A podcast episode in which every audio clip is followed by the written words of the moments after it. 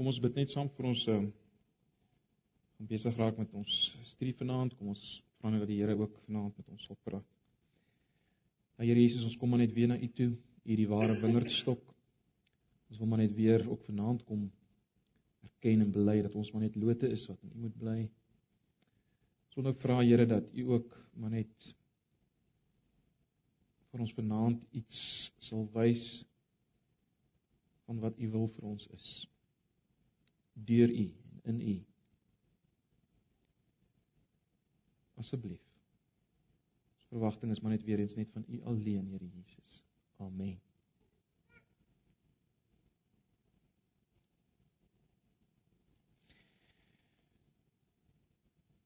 Goed, julle kom maar by Matteus 5. Ons is steeds besig met die saligspreking.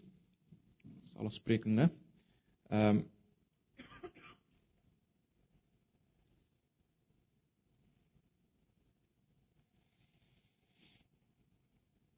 Ons sal vanaand kyk na vers 9. Ek dink ons sal volgende Sondag aand sal ons dan nou afsluit met die saligsprekinge.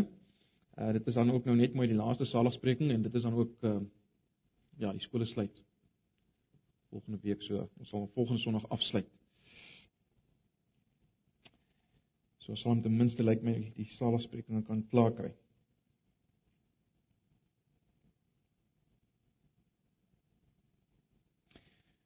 Kom ons lees net vers 9.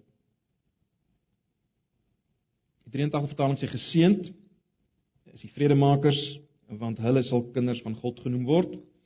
Ehm um, 53 vertaling salig is die vredemakers want hulle sal kinders van God genoem word.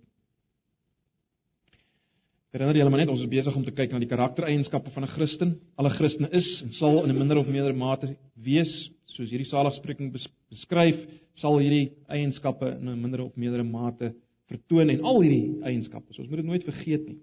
Ehm uh, so onthou dit maar net as ons ook vanaand besig is. Ek wil vanaand so begin om te sê dat as daar een tema is ehm uh, wat in die Bybel domineer, is dit regtig die die vredestema, né? Nee, is dit nie so nie? Ek dink daar's 400 verwysings na vrede in die in die in die Bybel. God self word die God van vrede genoem. Hy word die God van vrede genoem. Uh die eh, die Bybel begin met vrede in die tuin van Eden. Die die Bybel eindig met vrede in die in die nuwe werklikheid wat sal kom, die die nuwe aarde. Uh in in 'n sin kan mens die hele Bybel uitlei aan die hand van die vredestema, né? Nee, as as jy mooi daaraan dink. Ehm uh, die vrede wat aan die begin was in die tuin word verbreek deur die sonde van die mens. Ehm um, daar's geen vrede nie tot dan met die geboorte van Jesus. Dan kom die engele en wat sing hulle? Dit wat ons nou in die Kerstyd weer sal sing, vrede op aarde. Mense wie God te welbehae het. En dan word Jesus gebore, Jesus wat genoem word die die vredevors. Uh en uiteindelik as hierdie vredevors eendag weer kom, sal hy 'n koninkryk van vrede bring, né? Nee. So met ander woorde, ek dink julle sal saamstem, dis 'n absolute ehm um, dominante tema dwars deur die Bybel. Die begrip vrede, ons het al baie daaroor gepraat, die begrip Shalom is meer as die afwesigheid van stryd, nê. Nee. Vrede in die Bybel het 'n is 'n wonderlike diep betekenis van 'n uh, universele bloei, uh um heelheid, vreugde. Uh in kort, dit is hoe die wêreld moet wees. As dit so kan stel, nê. Nee, dit is uh dis Shalom. Dis hoe die wêreld moet wees. Dis hoe dinge moet wees. As alles in die regte verhouding met mekaar staan. Dis dis Shalom alles in 'n regte verhouding met mekaar staan.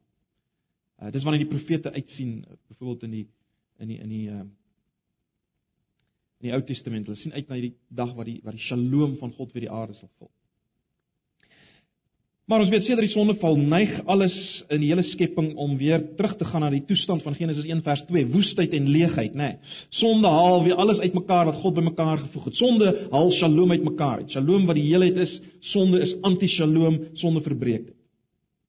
En dit is uh dis die verhaal van die hele Ou Testament, nê, nee, die die vandalisering as ek kan so so kan stel van Shalom. Uit mekaar breek van hierdie Shalom. Die wegvlug van hierdie Shalom. En en ons voel dit vandag nog onder ons, nê. Nee, die wegbreek, die wegvlug van hierdie heelheid. As alles uh die wegbreek van van hoe dit moet wees, nê. Nee, ons sien dit in ons huise, in uh, as ons mekaar stry en redeneer. Ons sien dit onder broers en susters as ons met mekaar verskil. Ons sien dit tussen kerke as mekaar beskinder en afbreek. Ehm uh, Dis anti-shalom, né? Nee. Dis hoe dit nie moet wees nie. In die Ou Testament was daar die soeke gewees na hierdie hierdie shalom, né? Ek het dit reeds genoem, maar dit is dit is baie pertinent sien mens dit selfs in in in die offers. Daar was selfs 'n uh, vredesoffer, né? Ek dink dit word nou vertaal in die nuwe vertaling met die met die met die gemeenskapsoffer. Maar dis eintlik die gemeenskapsoffer is eintlik vredesoffer.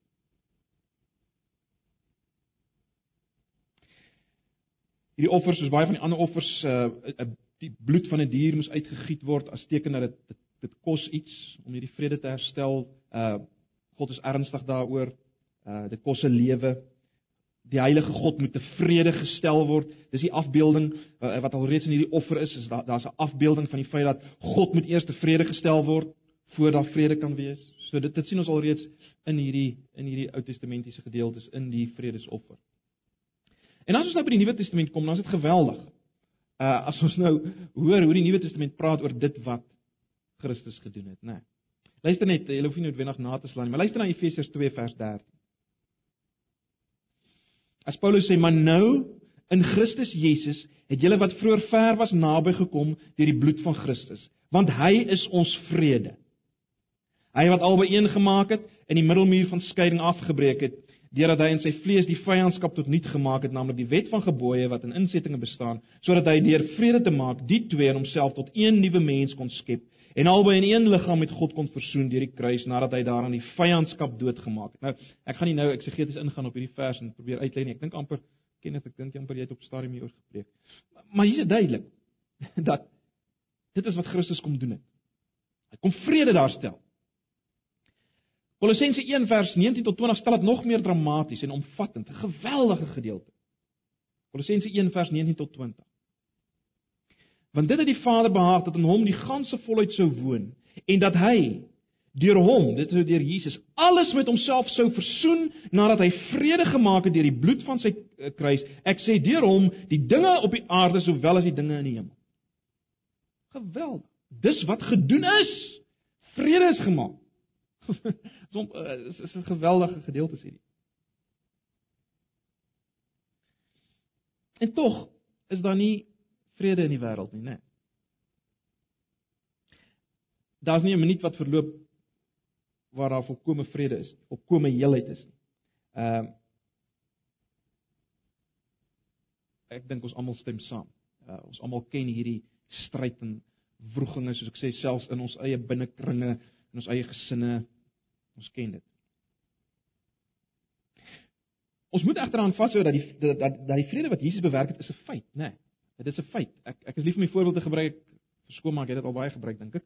Ehm uh, ons kan dit vergelyk met dit wat gebeur het in die Tweede Wêreldoorlog, né? Nee, uh daar was 'n dag wat die wat die wat die oorlog in feitelik, as ek dit so kan stel, verby was. Vrede is verklaar. Maar as jy as jy, as jy uitgekyk het buite toe dan dan het jy nog dan sou jy baie min daarvan sien want alles is nog stikkend en uh, hier en daar het dalk nog 'n skoot afgegaan ouens wat nog nie heeltemal besef het dit is nou eintlik vrede en so meer. En en is iets daarvan. In in effek feitelik is vrede bewerk. Ehm um, God se shalom is bewerk deur wat Jesus gedoen het moet daaraan vashou. Maar dit moet ook nog deurwerk en uitgewerk word. Dit moet ingedra word die wêreld in. En uh, ek ek wil nou nie te veel daarop uitbrei nie, is eintlik 'n ander tema, maar dis eintlik wat die Gees van God besig is om te doen. Dis dis die werk van die Gees van God om dit wat bewerk is op Golgotha, daardie vrede te laat realiseer en deur te deur te dra, in te dra en te laat deurwerk. Dis hoekom Jesus nog nie weer teruggekom. Dis dis die groot prentjies, geweldige dinge hierdie uh is belangrik ook ek lê klem op God se vrede. Ehm um, want as 'n verskil tussen God se vrede wat moet ingedra word in die wêreld en die vrede wat ons gewoonlik in die wêreld self kry, nê. Nee, uh, uh vrede waarvan die wêreld praat is eintlik in 'n in groot mate net 'n oomblik van stilte en rus waar daarin waar daar eintlik herlaai word vir die volgende ronde, nê. Nee, dis eintlik die vrede wat die wêreld ken. Daar kom vrede, maar maar eintlik is dit baie keer omdat een party die stryd moet gewonne gee as gevolg van 'n oormag of of uh, of vermoeidheid ensovoorts. Innerlik verander daar eintlik niks nie. Nee, dit daar verander eintlik niks nie. Uh gewoonlik broei die haat na die nederlaag net veller vir die, vir die volgende keer mens as mens dink maar net weer aan die aan die aan die oorlog nê nee, omdat Duitsland verneder is uh dat vrede gekom in die Eerste Wêreldoorlog maar Duitsland is verneder en dit het eintlik net groter gemors veroorsaak uiteindelik in die Tweede Wêreldoorlog. Want die haat het gebroei. En ehm um, dit geld ook vir ons sakformaat oorlogies, né, in die huise sinne tussen mekaar. So dis die vrede van die wêreld. Eintlik is die vrede van die wêreld niks anders as moeilikheid vir my nie. Ons praat ook so, né, vir uh, bewaar tog die vrede. Dan dan bedoel ons eintlik daarmee ehm uh, moet tog net iets sê nie vir my net moeilikheid. Bewaar die vrede. Dit is dis die vrede van die wêreld. En weer eens ons kry dit in ons huise. Ehm um, kinders is rebels, ouers wil niks daaroor doen nie, hulle wil net die vrede bewaar. Ons bewaar dit ons vrede want ons wil nie ongewild wees nie, so ons bewaar maar net die vrede. Maar hierdie vrede is eintlik vir God te gruwel, né? Luister aan Lukas 6 vers 26. As hy sê: "Wee julle wanneer al die mense goed van julle praat, want hulle vaders het net so van die valse profete gedoen." In Jeremia kry ons die uitspraak: "Vrede, vrede, maar daar's geen vrede nie." Nee, dis hierdie hierdie vrede om net nie te stuur nie, as ek dit so kan stel. Ehm um, wil net nie ongewild raak. So dit is baie belangrik as as God praat van vrede en dit is ek sê ek gee nou 'n lang agtergrond voor ek by die vers kom, maar ons ons moet dit verstaan as ons praat van hierdie vrede, as Jesus uiteindelik praat van vredemakers. Uh as God van vrede praat, dan bedoel hy iets anders. Wanneer God vrede stig tussen hom en goddelose mense, wat doen God? God neem die oorsaak van onvrede neem hy weg, nê? Nee, God neem die oorsaak weg van vervreemding en vyandskap. En dan kom God en hy versoen en hy vergeef en hy vergeet. Of wil jy kan die volgorde verander, nê? Nee, hy hy vergewe hy versoen en hy vergeet.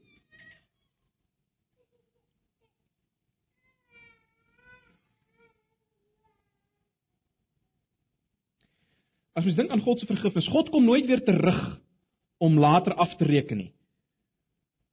Ek dink baie van ons het dalk nog uit ons dink onbewuslik dalk nog so, maar God kom nooit weer terug nadat hy vrede gemaak in Christus. Kom hy nooit weer terug om later af te reken met ons nie. Nee, hy het klaar daarmee gehandel aan die kruis.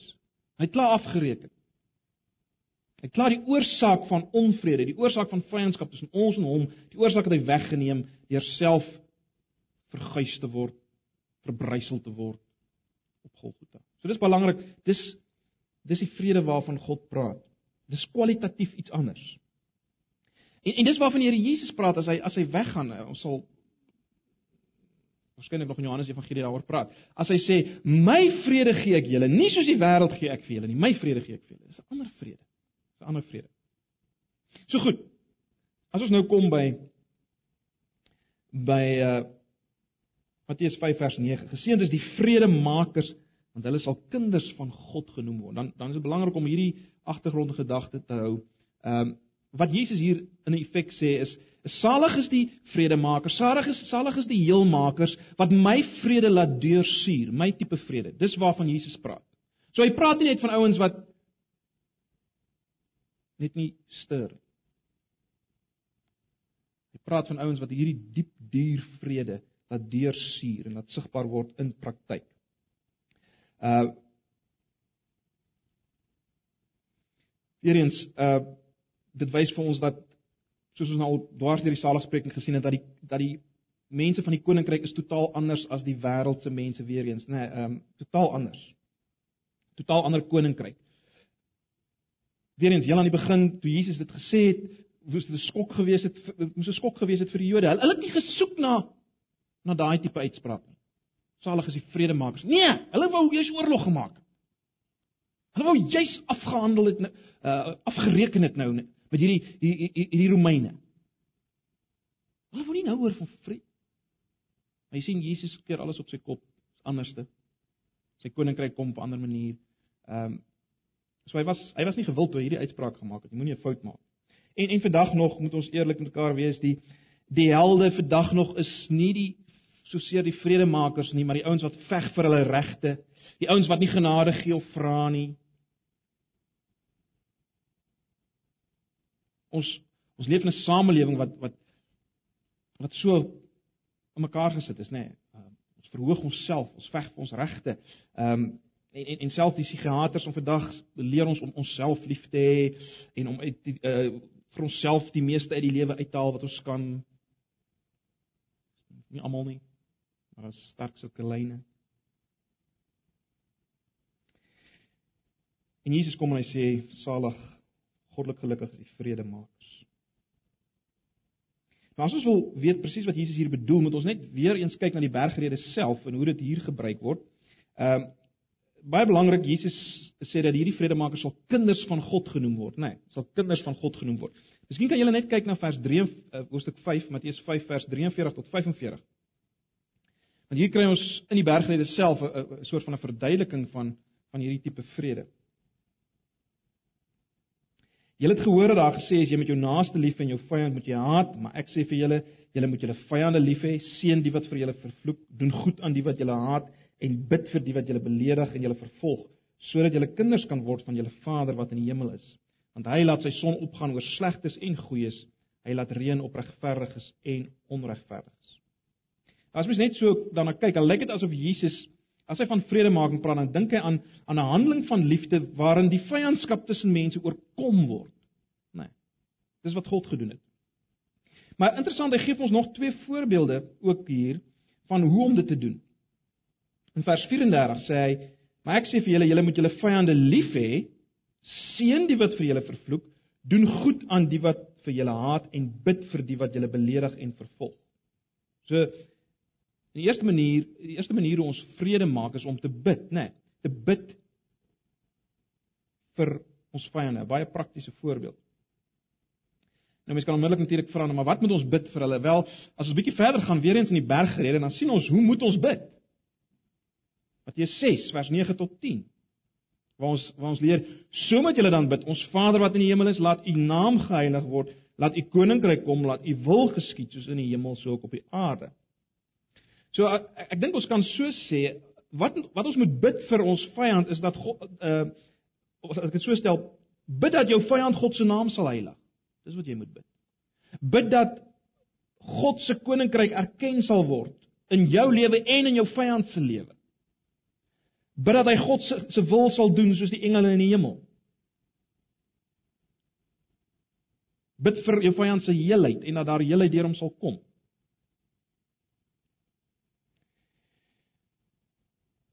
In vers 47 is daar 'n baie belangrike spesifieke voorbeeld, baie prakties van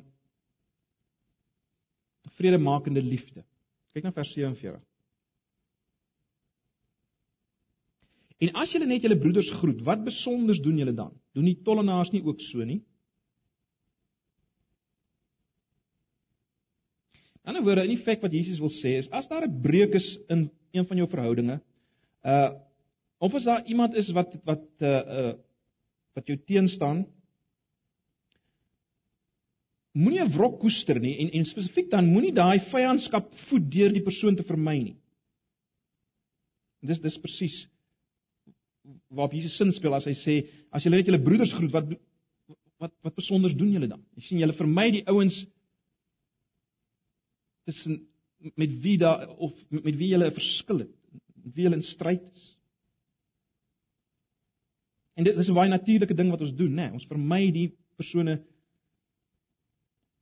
met wie ons in stryd is of wat uh wat ons teenstaan. Maar as ons dit doen, wat gebeur? Wel, ons verbreek die heelheid, né? Nee, ons stig dit nie. Ehm um, dis nie hoe ons vredemakende God optree nie. Ons God wat sy seun opgeoffer het om ons te versoen met hom. Dis nie soos hy teen ons optree nie. Ons verdien totaal die teenoorgestelde van vergifnis, né? Nee. En hy kom en hy vergewe. Hy doen die onnatuurlike, pynlike vreemde ding van vergifnis. En dit is belangrik dat jy dit sal hoor, vergifnis. Ons is geneig om net te vermy. Wil nie vergewe nie. Wat ons dan eerder doen, ons ons groet nie, ons vermy.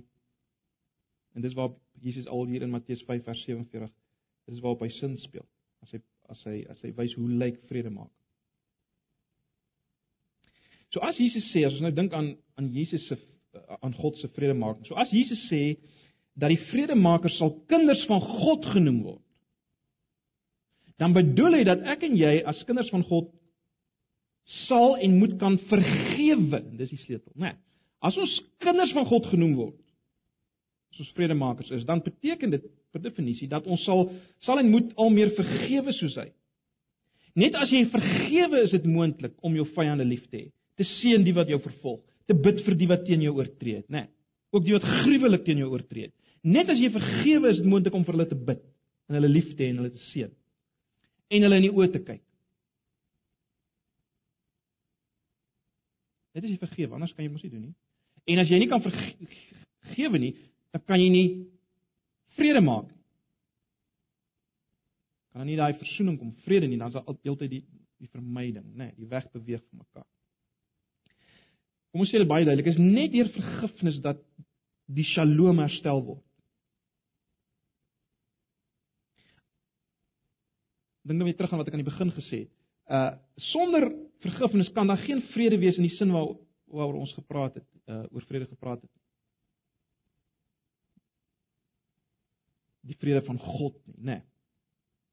En nou as ons dink aan die plek van die plek waar vredemaking hier voorkom in die saligsprekinge, dan moet ons mekaar sê, wel, uh die een van wie die ander saligsprekinge waar is. En onthou nou ons het mekaar gesê, elke Christen is en sal al hierdie eienskappe tentoonstel. Die Christen waarvan dit waar is, die dinge wat ons tot nou toe oor gepraat het in die saligspreking. Wel, dis so 'n persoon wat mos sal en kan of laat ek so stel, wat sal kan vergewe.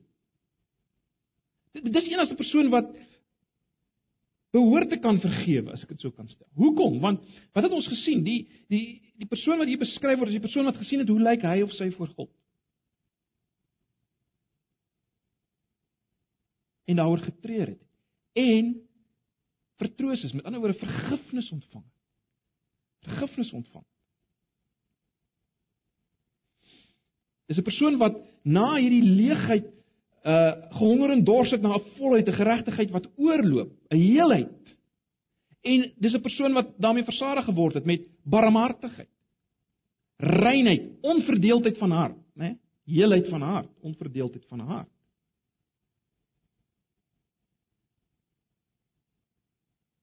is daardie persoon wat nou die vredemaker kan wees, né? Nee, so dit is baie belangrik as ons dit in gedagte hou.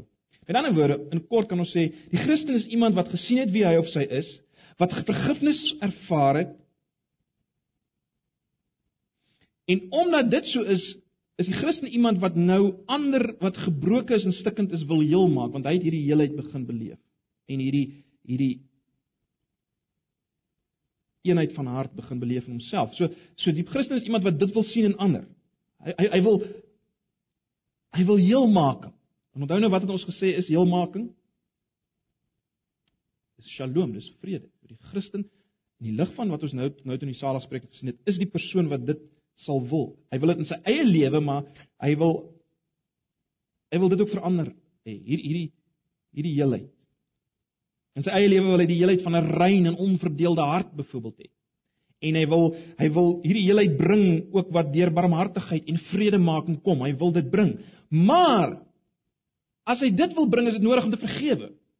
Ek dit so kan stel. As hy dit wil bring, is dit nodig om te vergewe. En is net die Christen wat dit kan doen. Is net die Christen wat so kan vergewe as mens daaraan dink, né? Nee. Hoekom? omdat hy totaal onverdiend vergifnis ontvang het. Want hy het dit ontvang. Hy het die teenoorgestelde verdien, God hom vergewe. So om dit so te stel, mens kan sê die die die die Christen, die mens van die koninkryk is iemand wat die inhoud van genade ken. Jy sien, jy kan nie vergewe as jy nie genade ken nie. Dit is onmoontlik. Uh dis ons wat weet genade beteken dat God ons nie meer lief kan hê as wat hy ons het nie aan die een kant, maar aan die ander kant kan God ons nie minder lief hê as wat hy ons het.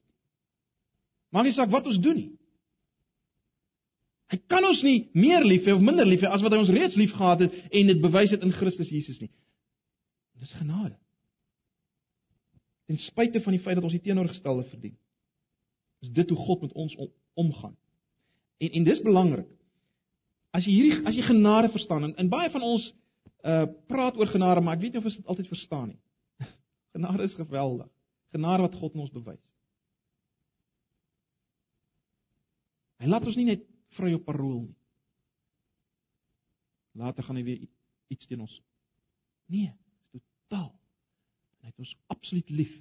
En, en niks wat ons doen kan ons kan God ons minder laat lief hê nie. En dit is moeilik vir ons om dit te vat. Ons dink tog as ek nou hierdie ding gedoen het of daai ding, ja, nou nou tot God my nie meer so lief soos hy my gehad gister nie. Maar dis nie hoe God werk nie, nee. En dis baie belangrik dat ons dit sal begryp. So, dis die vraag. Is ons vredemakers? Kan ons vrede maak? Maak nie saak watter sweer jy in beweeg nie binne die gemeente, binne jou gesin, maak nie saak waar dit is nie. Ehm um,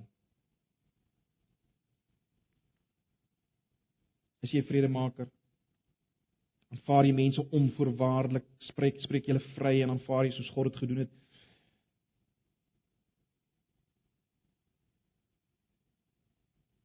Ten spyte van wat die mense teen jou gedoen het, Jy bereid om hulle te vergewe vir wat hulle teenoor jou is, teenoor jou doen, gedoen het. Ehm, um, is jy bereid om dit te doen sodat daar heelheid kan kom? Vrede kan kom, shalom kan kom. Is jy bereid om dit te doen? Nou onmiddellik is 'n mense beswaar, maar dit dit Dis moeilik. En dit is moeilik, né? Nee. Ehm uh, natuurlik is dit wat Jesus hier sê is nie maklik nie. Uh omdat dit onregverdig is. Dis onnatuurlik. Dis ongehoord. Maar jy sien dit is wat vergifnis is. Onthou nou ons sê vergifnis is is nodig vir vir, vir vrede. Jy wil vrede maak, moet daar vergifnis wees. En vergifnis is al hierdie dinge. Uh, ek het op 'n stadium hieroor gepraat van hierdie aanhalinge wat ek nou gaan lees, het ek al vir julle gelees in 'n ander konteks, maar dit, dit, is so belangrik om net weer te hoor.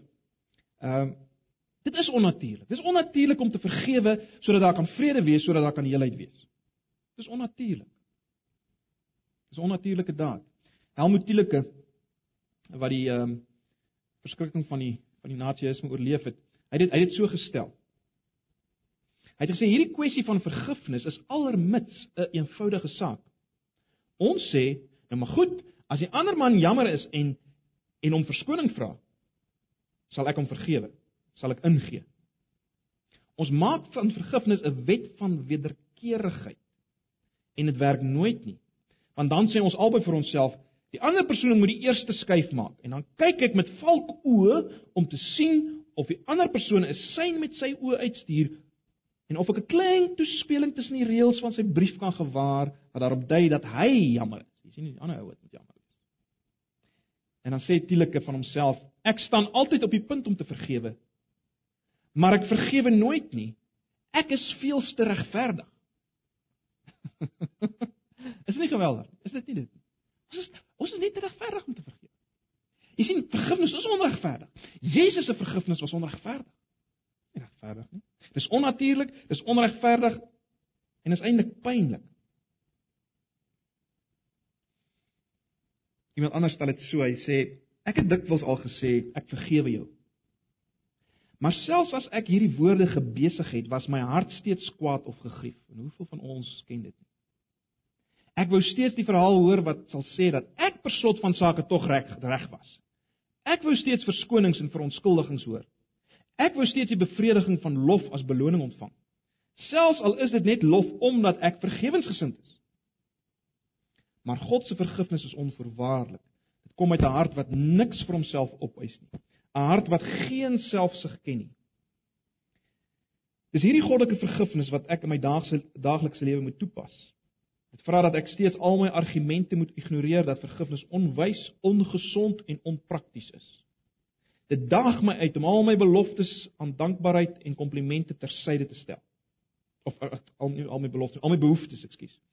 Uh dit daag my uit om al my behoeftes aan dankbaarheid en komplimente. Kyk, dis wat ons graag wil, nê? Nee, ons wil ons wil komplimente kry. Ons wil dankbaarheid kry. Ons het 'n behoefte daaraan. Maar as ek wil vergewe, dan moet ek dit op sy sit. Laastens vereis dit van my dat ek daardie verwonde deel van my hart moet ignoreer. Die die deel wat seer en verontreg voel, in beheer wil bly en 'n paar voorwaardes wil stel tussen my en die persoon wat ek gevra word om te vergewe. Sien, dit is pynlik. Dis pynlik. Maar het vergifnis nie Jesus pyn gekos nie? Is dit nie pynlik nie? Ons hou nie daarvan. Dit is baie interessant as mens na die Ou Testament self kyk, sien mens dat dat vir God was vergifnis pynlik en dit was 'n worsteling. Uh Hosea 11 is 'n is 'n geweldige voorbeeld daarvan. Aan die een kant spreek God sy oordeel uit oor oor Israel se hoerery. Spreek sy oordeel daaroor uit. Maar dan dan sien mens iets daarin Hosea 11 vers 8 van God se worsteling. As hy sê, "Hoe kan ek jou oorgee o Efraim, jou prys gee o Israel? Hoe kan ek jou maak soos Atma, jou gelykstel met Seboim? My hart is omgekeer in my. Te gelykertyd is my medelee opgewek. Ek sal my toorn gloed eh, gloed nie laat geld nie. Ek sal Efraim nie weer te gronde rig nie, want ek is God en nie 'n mens nie, die heilige in jou midde. En ek sal nie kom in grimmigheid.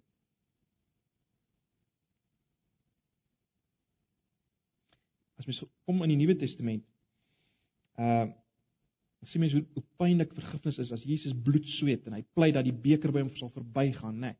Uh Vader, as dit moontlik is, laat hierdie beker by my verbygaan. Want is onnatuurlik.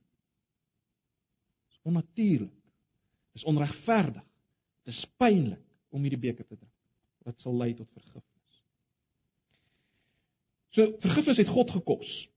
Uh uiteindelik het dit 'n sterwe gekos, die sterwe van sy seun. Dis duursaam En daarom as ons praat van vredemaking en ons sê vredemaking uh te maak met vergifnis wel, dit gaan vir ons iets kos. Dit gaan vir jou iets kos. Dit gaan 'n sterwe kos aan jou sin vir regverdigheid en geregtigheid. Uh, ons is tog almal, ons staan so so daarop. Maar maar ek is reg. Nee. Dis nie ek dis regverdigheid. Geregtigheid. Elke saak broers en susters, moet ons begin weeg in die lig van die evangelie, nie in die lig van my eie belang nie. Dit beteken ek sal myself moet verneder. Dit is maar net so. Verskoning te vra, vriendelik te wees, dit kos 'n vernedering van myself. Ek moet leer om om in woordewisselinge soms my mond te hou. Te weet wanneer ek moet praat en wanneer om stil te bly. Vergifnis is natuurlik 'n geloofsdaad, né? Nee, uh moet vertrou dat God in beheer is. Dis 'n geloofstaat. Ek moet vertrou dat God 'n beter regter is as ek. Ek doen afstand van my reg om te vergeld en gee dit oor aan aan God. Ehm uh, ek laat in God se hande die skaal waarop geregtigheid en genade in 'n ewewig gebring moet word. Ek laat dit oor in God se hande. Hy moet dit hy moet daai ding doen. Ons sê ons wil dit self doen. Ek moet dit oorlaat in God se hande. Ons dink aan Josef, nê, nee, Josef toe hy uiteindelik sy broers vergewe het. Ehm um, niks het eintlik verander nie. Jy moet daaraan dink in 'n sekere sin nie. Maar maar wat wat verander het is dat die las was van Josef af om homself regter te speel. God het dit oorgeneem. En en dis wat dit beteken, né? Ehm um, Die onreg verdwyn nie so seer wanneer ek vergewe nie. Maar die onreg verslap sy greep op my en dit word oorgeneem deur God wat weet wat om te doen.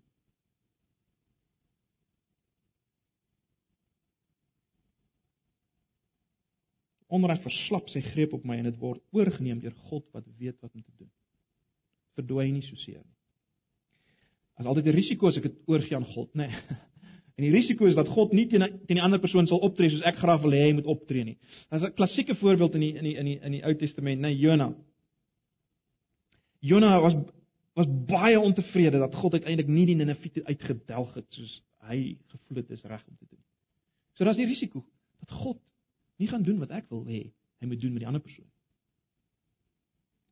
Maar as ek wil vrede maak, wil vergewe, dan moet ek dit oorgee aan God se hande dat hy dit doen.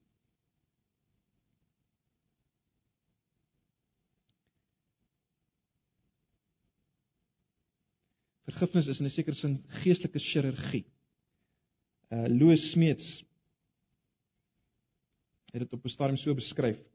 Luister maar mooi, dit is dalk 'n bietjie ingewikkeld vir, vir sommige. Maar probeer probeer luister. Hy sê wanneer jy iemand vergewe, sny jy die onreg weg uit die persoon wat dit gepleeg het. Jy maak daardie persoon los van die kwetsende daad, met ander woorde die ding wat hy gedoen het. Jy herskep hom. Een oomblik erken jy hom onuitwisbaar as die persoon wat jou onreg aangedoen het. Die volgende oomblik verander jy daardie identiteit. Hy word in jou geheue oorgemaak. Nou dink jy nie meer aan hom of haar natuurlik as die een wat jou benadeel het nie, maar 'n persoon wat jou nodig het. Dis 'n geweldige verskywing, né? Jy voel hy of sy is nie meer die persoon wat jou vervreem het nie, maar die persoon wat aan jou behoort. Eers het jy hom of haar gesien as 'n persoon wat magtig en onheil is, maar nou sien jy hom of haar as 'n persoon wat swak is in sy of haar behoeftes. Jy het jou eie verlede herskep deur die persoon te herskep wie se onreg jou verlede pynlik gemaak het. Nou dis 'n mond vol, 'n mond vol. Die punt is maar net hier, as ek vergewe, dan kry ek self genesing. Deurdat ek die ander persoon as te ware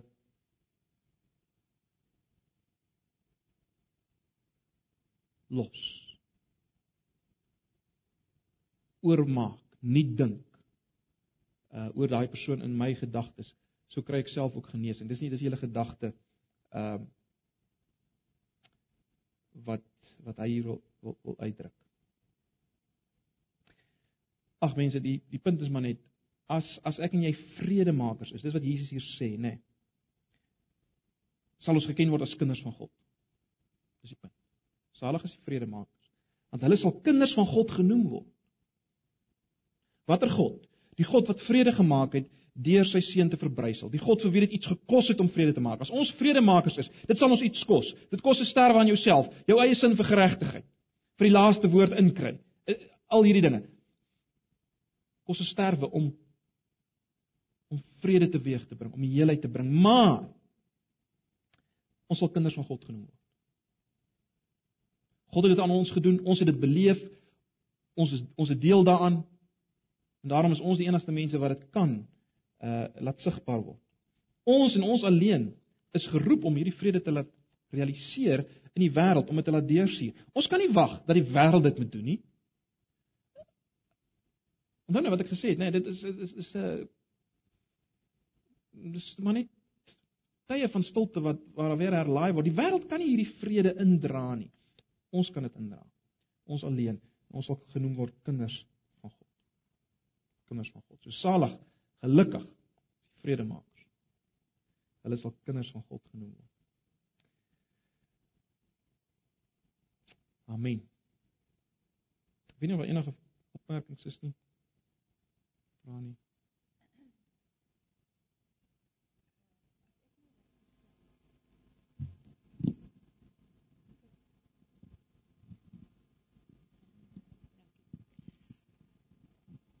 Dan is hierdie vrede of althans hierdie vergifnis wat deur God gegee word is heeltemal iets anders as vergifnis wat ons moet gee. Soos wat ek dit verstaan, werk dit so. Hmm. As ons ons skulde ons sondes bely voor God, dan vergewe hy ons deur Jesus Christus.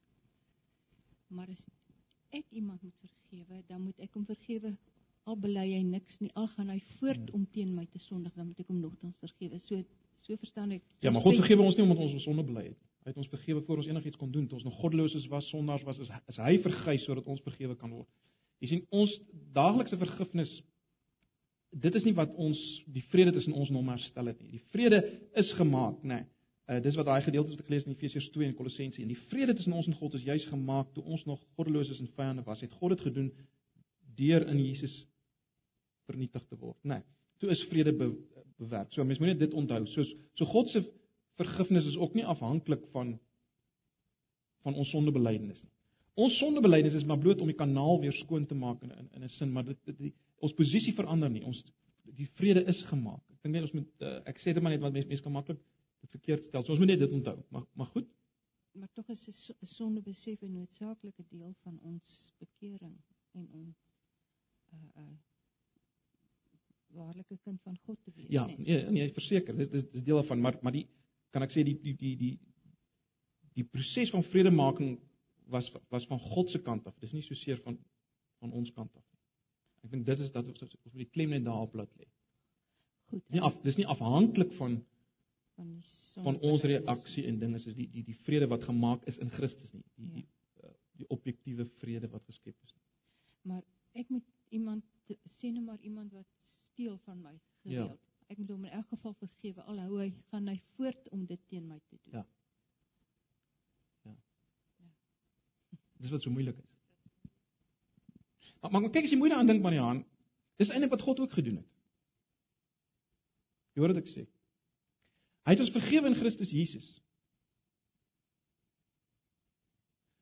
Toe ons nog sondaars was, toe ons nog goddeloses was, toe ons nog dit gedoen het.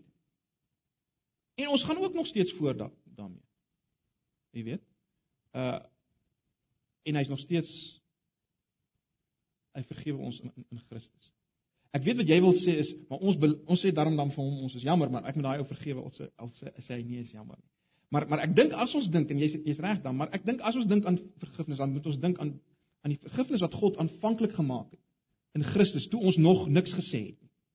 Ek dink dis daardie vergifnis wat ons moet uitdra na na ons medemens toe. Uh, verstaan jy? Dis daai vergifnis uh daai onvoorwaardelike vergifnis want dis ten diepste wat ons beleef het by God. En ek dink dit is wat die dis, dis wat die klem is in die Bybel. Dis die vergifnis wat ons uh moet hê teenoor ander mense. Daai aanvanklike vergifnis wat God gehad vir ons in Christus. Toe daar geen teenprestasie van ons kant af was nie. Dis in ons daaglikse lewe, ek dink ek, ek ek ek verstaan nou wat jy bedoel. In ons daaglikse omgang met die Here sê ons, Here, ons nou jammer ons het dit gedoen ensovoorts. In ons in ons verhouding verder. Maar maar wat die aanvanklike vrede tussen ons nou herstel het, was nie so seer afhanklik van ons nie, glad nie. Hy het dit gedoen in Christus. En dit het nou ons deel geword. So ja, ek ek dink ons moet regtig so daaroor dink. Uh want die oomblik as ons sê maar ek gaan eers vergewe as hy sê is jammer, dan is dit presies uh dan weet dan dan is dit nou presies dit wat ons nou gesê het, dan is dit daai wet van wederkerigheid, jy weet. Hy moet eers te kom sê en so aan. En en en ek dink dit is juist wat die Bybel wil sê, maar dit is nie wat God gedoen het in Christus nie. Hy het nie gewag tot ons eers iets doen nie. Hy het eers gedoen. Hy het die prys betaal en nou is die vrede. So ek dink dis belangrik. Ekskuus, ja. Ekskuus nie, ek verstaan wat jy Ja. sê. Ek is so 'n bietjie besig met hare kloof, maar uh Nee, maar dis goed dat jy persoon wat nie uh sonde besef het nie word nooit vergewe nie. Hy sal die straf kry eendag. Met ander woorde, 'n persoon wat nie in Christus is nie, né? Wat nooit tot bekering kom nie. Hy hy word nooit vergewe nie. Hy sal eendag Ja. sal hy die straf kry vir sy dade. Maar uh so en wat dit betref is ons vergifnis anders.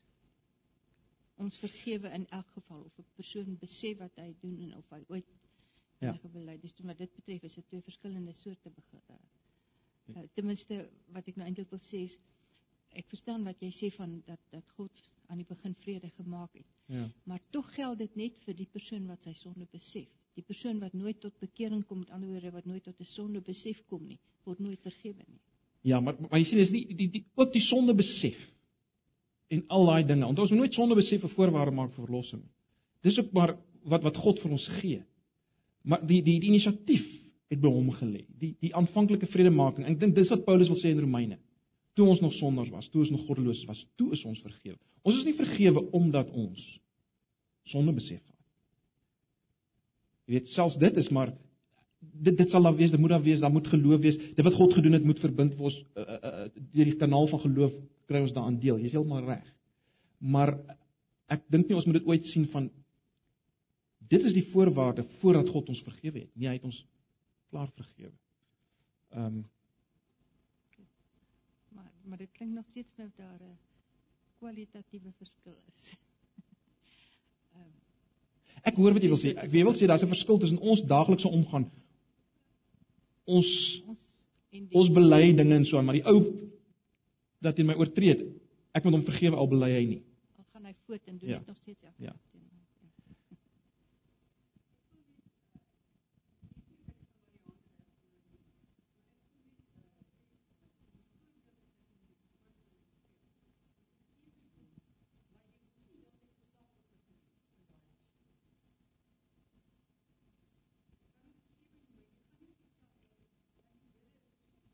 Mm.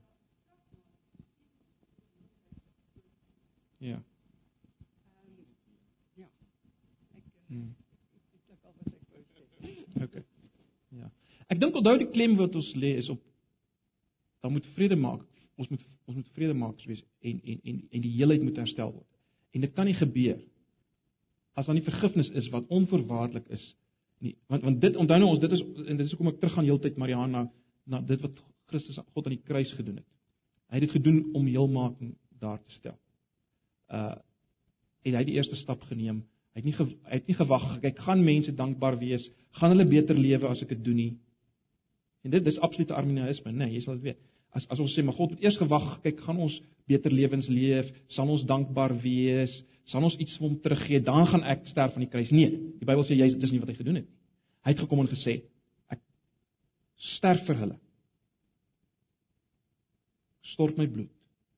Hulle is goddeloos, is hulle sondaars, maar ek sterf vir hulle. So ek dink dit is die prentjie wat ons moet moet moet moet hê van van hierdie vergifnis en vredemaking. Ehm um, verstaan jy wat ek bedoel? Dit is dit ek dink dis waar die klem moet lê in ons in ons omgang met ander. Jy sien ten diepste ons ehm um, ja, selfs ons ons ons geloof en ons belydenis en so aan die rede hoekom dit na vore kom is juis ook omdat God die eerste daad gedoen het.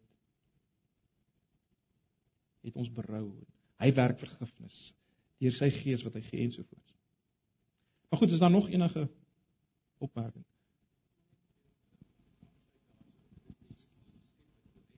Nee. Mm. Ja, en wat jou red gaan terug al die pad 2000 jaar gelede. Ja. God gedoen het Ja, in Christus. Ja, want dit is ook daar wat uh Spurgeon sê dit dit dit sê jou vashou in Christus wat jou red nie. Dis Christus. self wat jou red. Jy Ja. weet so. Dis maar net terug Ja. ja. wat so toe. Ekskuus tannie Rek, wat tannie sê? 'n Woord van wysheid. Nee, nie 'n woord van wysheid nou eintlik nie.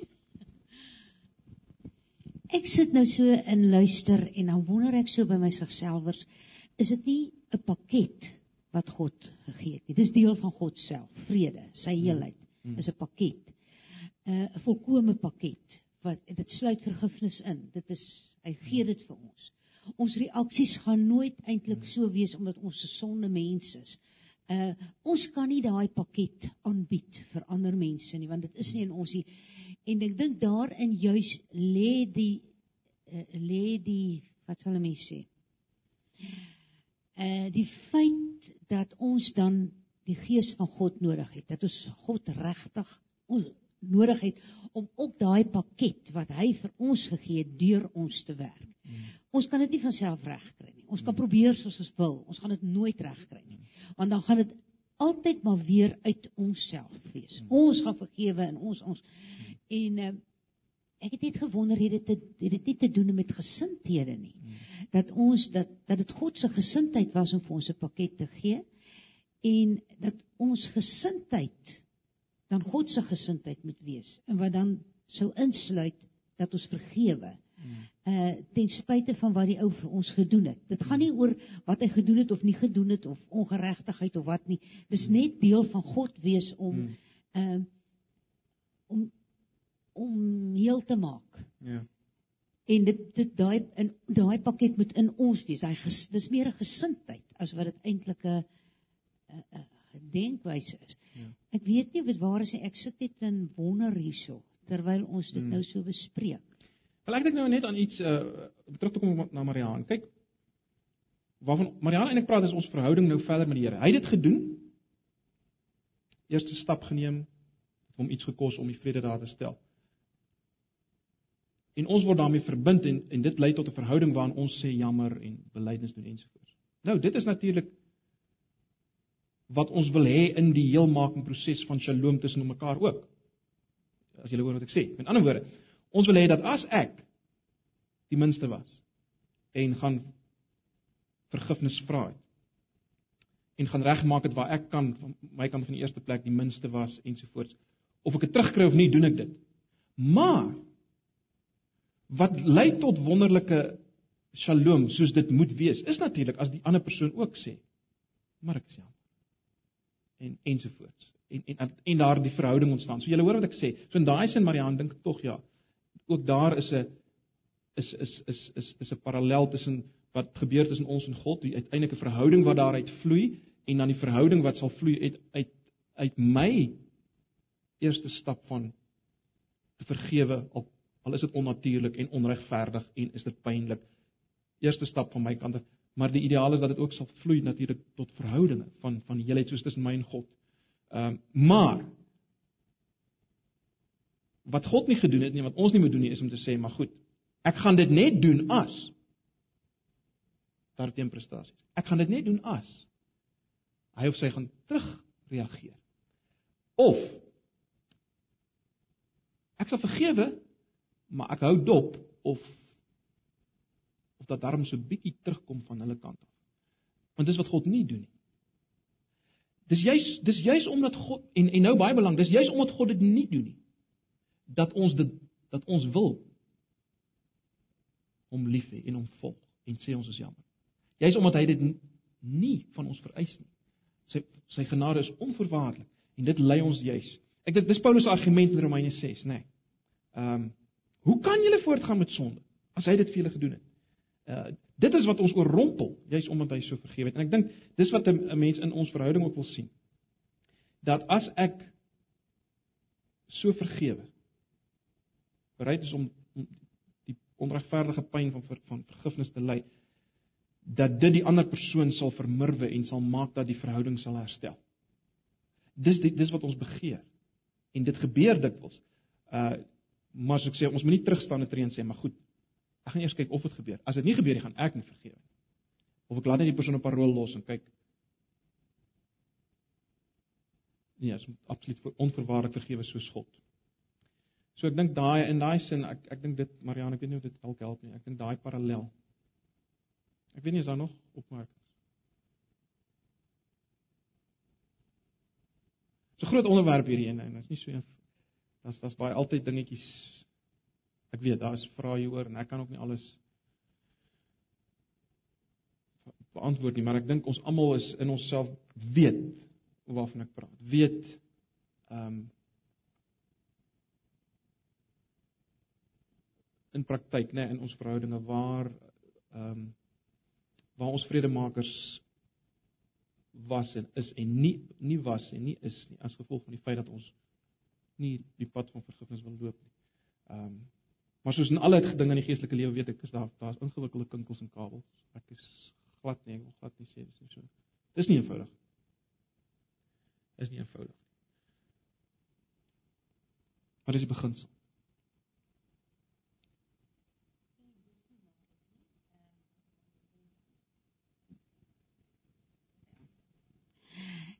Ek dink dis waar heiligmaking inkom, né? En dit is dis 'n daaglikse stryd. Dit is nie so maklik om te sê ons gaan dit nou doen van nou of dan loop ons daai pad nie.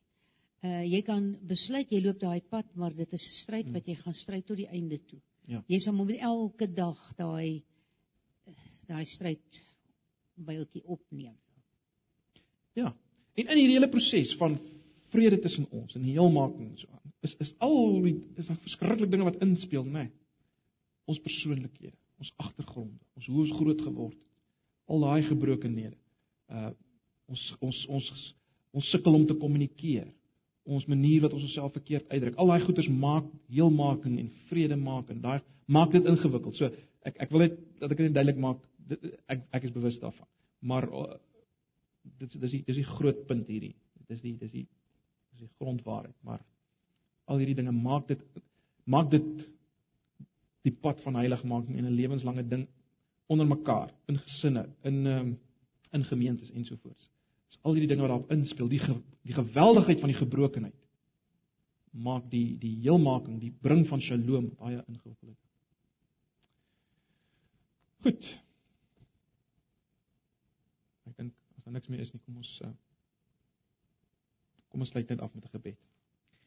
Here baie dankie dat ons 'n paar oomblikke hierby kon stil staan by hierdie groot saak. Uh, u ken ons, u weet hoe ons elkeen aan my worstel, ek sukkel hiermee met vredemaking, met vergifnis. U ken ons elkeen. U weet dat ons tog geneig is om onsself altyd te wil regverdig. Ons wil van die hoek af loskom.